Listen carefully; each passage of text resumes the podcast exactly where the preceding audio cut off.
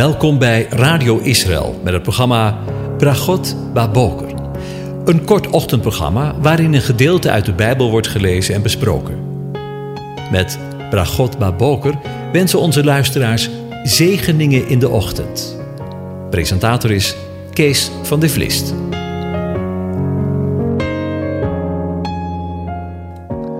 Goedemorgen, Bokatov, beste luisteraars. Vanmorgen denken we weer verder na.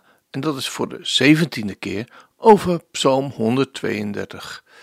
En ik lees de eerste 18 versen aan u voor. En de eerste 18 versen, dat is de hele psalm. Een pelgrimslied. Here, denk aan David, aan al zijn lijden. Hoe hij de Heere, de aanwezige gezworen heeft, de machtige van Jacob, deze gelofte deed. Nee, ik ga mijn tent, mijn huis niet binnen. Ik leg me op de rustbank mijn bed niet neer. Ik gun mijn ogen geen slaap, mijn oogleden geen sluimer. Totdat ik voor de Heere, de aanwezige, een plaats gevonden heb, een woning voor de machtige Jacobs. Zie, we hebben van de ark gehoord in Efrata, hem gevonden in de velden van Jaar. Laten we zijn woning binnengaan, ons neerbuigen voor de voetbank van zijn voeten. Sta op, heren, ga naar uw rugplaats, u en de ark van uw macht. Laat uw priesters bekleed worden met gerechtigheid. Laat uw gunstelingen juichen. Wijs het gebed, letterlijk, het gezicht van uw gezoute niet af, omwille van David, uw dienaar. De Heere heeft aan David in waarheid gezworen, en hij zal daar niet van afwijken. Eén van de vruchten van uw schoot zal ik op de troon zetten. Als uw zonen mijn verbond in acht zullen nemen en mijn getuigenissen die ik hun leren zal, zullen zij ook hun zonen tot in eeuwigheid op uw troon zitten. Want de Heere, de aanwezige, heeft Sion, dat is Jeruzalem, verkoren. Hij heeft er begeerd tot zijn woongebied. Dit is, zei hij, mijn rustplaats tot in eeuwigheid. Hier zal ik wonen, want naar haar heb ik verlangd. Haar voedsel zal ik rijk zegenen, haar armen met brood verzadigen. Haar priesters zal ik kleden met heil, haar gunstelingen zullen uitbundig juichen. Daar zal ik voor David een hoorn doen opkomen en voor mijn gezalfde een lamp gereed maken. Ik zal zijn vijanden met schaamte kleden, maar op hem zal zijn diadeem schitteren. Ja, dat is de hele psalm. En waar ik met u vanmorgen bij stil wil staan is over het koningschap. Want in de versen 11 tot en met 18, het laatste deel van deze psalm, geeft de aanwezige antwoord op het gebed van de gezalfde David, de dienaar. Maar in David hebben we gezien dat het eveneens, en misschien moet ik juist wel zeggen, juist zeggen, en moeten we het vooral zien, dat het een antwoord betreft op het gebed van de gezalfde, Christus, de Messias. Want Jezus zelf horen we in Johannes 5 getuigen, onderzoek de schriften. Want gij meent in dezelfde het eeuwige leven te hebben. En die zijn het die van mij getuigen. En laten we ons realiseren dat met de schriften het Eerste Testament wordt bedoeld. En dan in het bijzonder de Torah. Omdat de mensen in die tijd niets anders hadden. Het Nieuwe of Tweede Testament was er nog helemaal niet. Dus in het Oude Testament of het Eerste Testament in de Torah lezen we vooral over de Messias, want dat zijn de woorden die van hem getuigen. En u en ik worden opgeroepen door hemzelf om dat te onderzoeken. Onderzoek de schriften, want gij meent in dezelfde het eeuwige leven te hebben, en die zijn het die van mij getuigen. Met grote inspanning klimt de zoon de heuvel op. Hij draagt het hout voor het offer.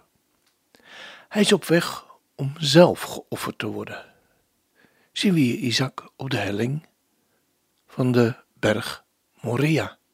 Of zien we hier Jezus de heuvel Golgotha beklimmen? Er is een nauwe relatie tussen de geschiedenis van Isaac en het leven en werk van Yeshua. En dat is geen toeval. In de Bijbel, Gods handschrift, door hem zelf geschreven, laat de auteur zien hoe Jezus op elke bladzijde van het Oude Testament aanwezig is. In de schepping, in Gods wet, in de psalmen, in de profeten, in de spreuken en op alle plaatsen. De Jezus zei het zelf, onderzoek de schriften. Die zijn het die van mij getuigen. Hoe bijzonder is dat? We gaan weer terug naar Psalm 132. En hij begint met het antwoord op de eed van David in vers 2. Het antwoord op de eed van David is een eed van de Heer zelf, van de aanwezige zelf, gevolgd door een ontkenning ooit van deze eed af te wijken, waardoor de eed nog eens wordt versterkt. Hij heeft David in waarheid gezworen, staat er. En hij zal daarvan niet afwijken. We kunnen hiermee Hebreeën 6, vers 16 tot 18 vergelijken, waar we lezen: Mensen zweren immers bij iemand, iemand is met een hoofdletter geschreven, die hoger is dan zijzelf. En de eed die hun tot bevestiging dient, is het einde van alle tegenspraken. Want die eed wordt bevestigd. Omdat hij aan de erfgenamen van de belofte overvloediger de onveranderlijkheid van zijn raadbesluit wilde bewijzen, heeft God die bekrachtigd met een eed. Opdat wij door twee onveranderlijke dingen, zijn raadsbesluit en de eed, waarin het onmogelijk is dat God zou liegen, een sterke troost hebben ontvangen. Wij die bij Hem de toevlucht genomen hebben, om de hoop die voor ons ligt vast te houden. Een sterke troost zouden ontvangen. Wij die bij Hem de toevlucht genomen hebben, om de hoop die voor ons ligt vast te houden.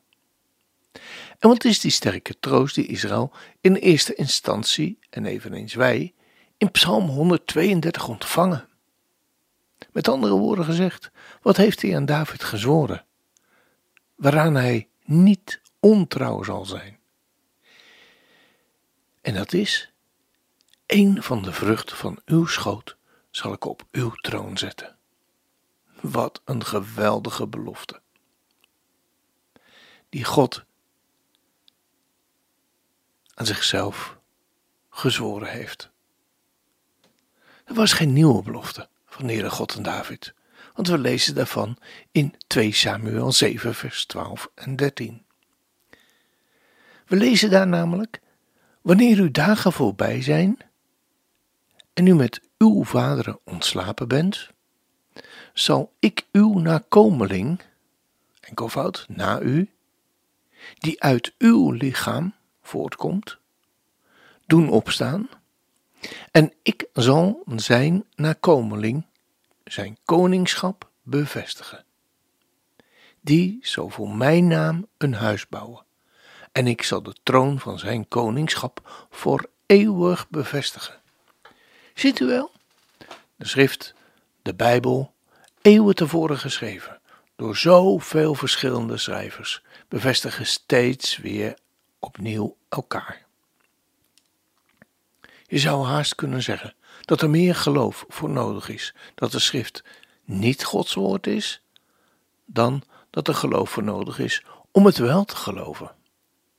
Het woord zit zo geweldig in elkaar en we weten er nog maar een fractie van.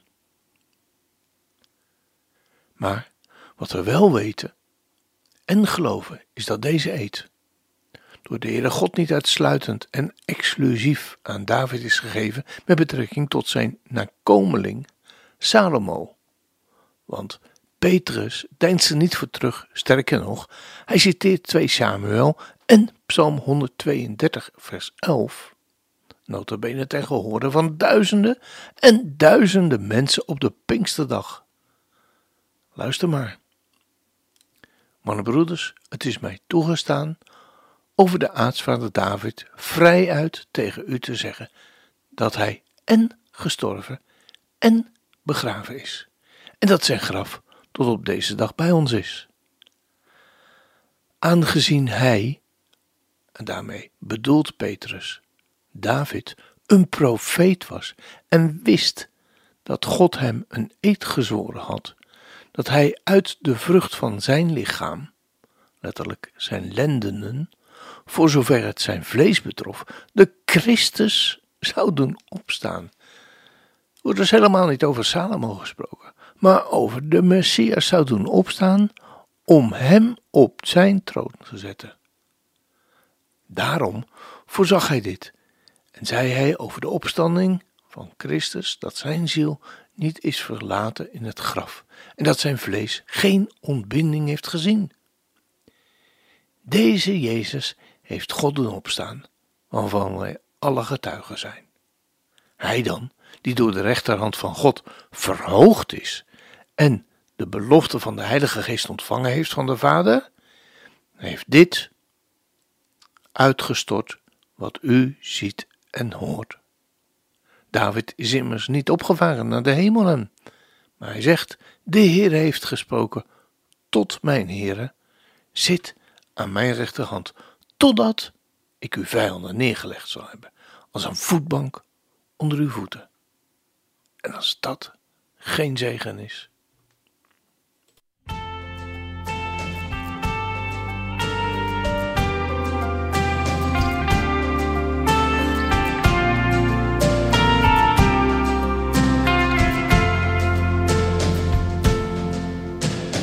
U die de aarde schiep tot leven riep, u die de volken leidt, kent mijn naam. U die ons alles geeft, u die de tijd in handen heeft, u die de namen schrijft, u kent mijn naam. Machtige God alleen bent waardig de eer en de heerlijkheid. Jezus Messias, grote zoon van David, u bent koning in eeuwigheid. U bent Immanuel.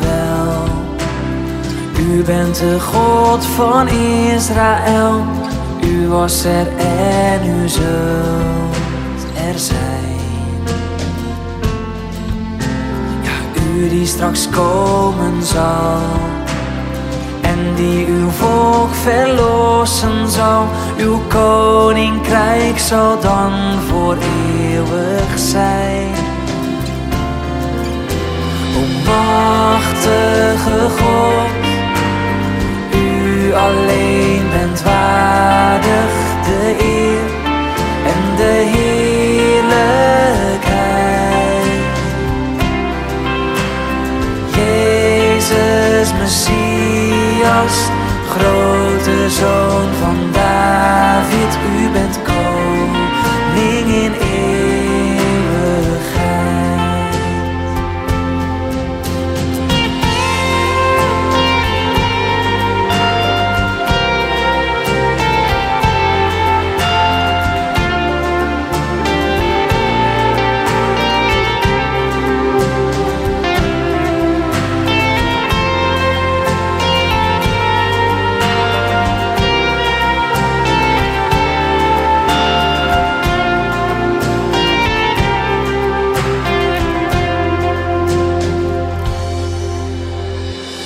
als die dag straks komt. Als u in glorie wederkomt en al het onrecht door uw hand verdwijnt. Ja, als heel de aarde juicht, als heel de schepping voor u buigt, dan zult u leeuw van Juda koning zijn. Machtige God, u alleen bent waardig de eer en de heerlijkheid. Jezus Messias, grote zoon van David, u bent koning in eeuwigheid.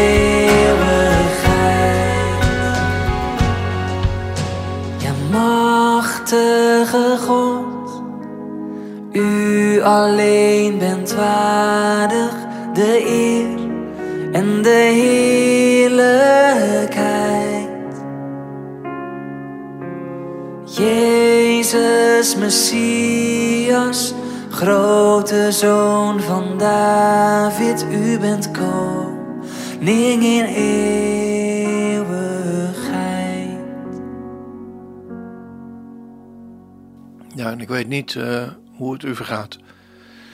In de dagen die we met elkaar beleven. Maar wat kun je er soms van de rusteloze wereld eh, waarin wij leven en naar verlangen. Naar die dag dat Hij als koning hier zich zal vestigen in Jeruzalem. Als koning van vrede. Dat eh, we onder Zijn heerschappij mogen leven. Nou, tot die dag eh, mogen we onder Zijn zegen onze weg gaan. De Heer zegent en Hij behoedt u. De Heere doet zijn aangezicht over u lichten en zij u genadig. De Heere verheft zijn aangezicht over u en geeft u zijn vrede, zijn shalom. Amen.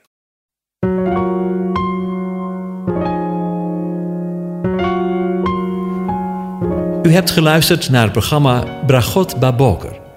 Een kort ochtendprogramma waarin een gedeelte uit de Bijbel wordt gelezen en besproken.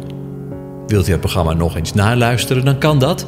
Ga naar radioisrael.nl en klik onder het kopje radio op Uitzending gemist.